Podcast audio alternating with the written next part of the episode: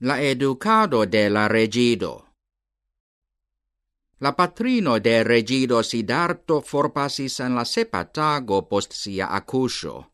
La regio havis alian reginon kiu nomigis Prajapati Gotami. Si estis la pli juna fratino de regino Mahamaya, kai naskis filon en la sama tago en kiu regino Mahamaya forpasis.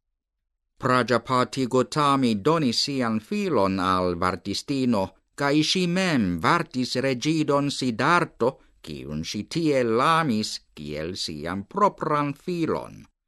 Regido Sidarto havis nenian memoron pri sia propra patrino. Ciam regido Sidarto agis nur ceocaen jaroin, regio Sudodano sendis lin al lerneio.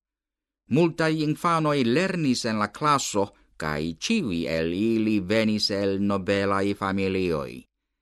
La instruisto de la regido nomigis Sarbo Mitro. La regido lernis lingvoin, legadon, vercadon, matematicon, historion, geografion, scienzon cae ancau artoin de boxado, arcopafado, luctado cae aliai.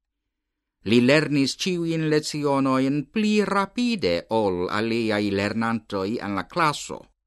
Li estis la plei sagia en la classo cae plei bona pri diversai artoi. Li gainis honoron en ciui lezionoi cae farigis pli sagia ol siai instruistoi. Li estis la plei sagia, cae la sola lernanto, kiu faris multaen demandoen al siai instruistoi cae pliagiuloi. Li estis la knabo plei forta, plei alta cae plei bela en la classo. Li neniam estis maldirigenta, neniam miscondutis, cae neniam malobeis la instruistoin. Li amis ciuin, cae ciui amis lin reciproce. Li estis amico por ciui homoi.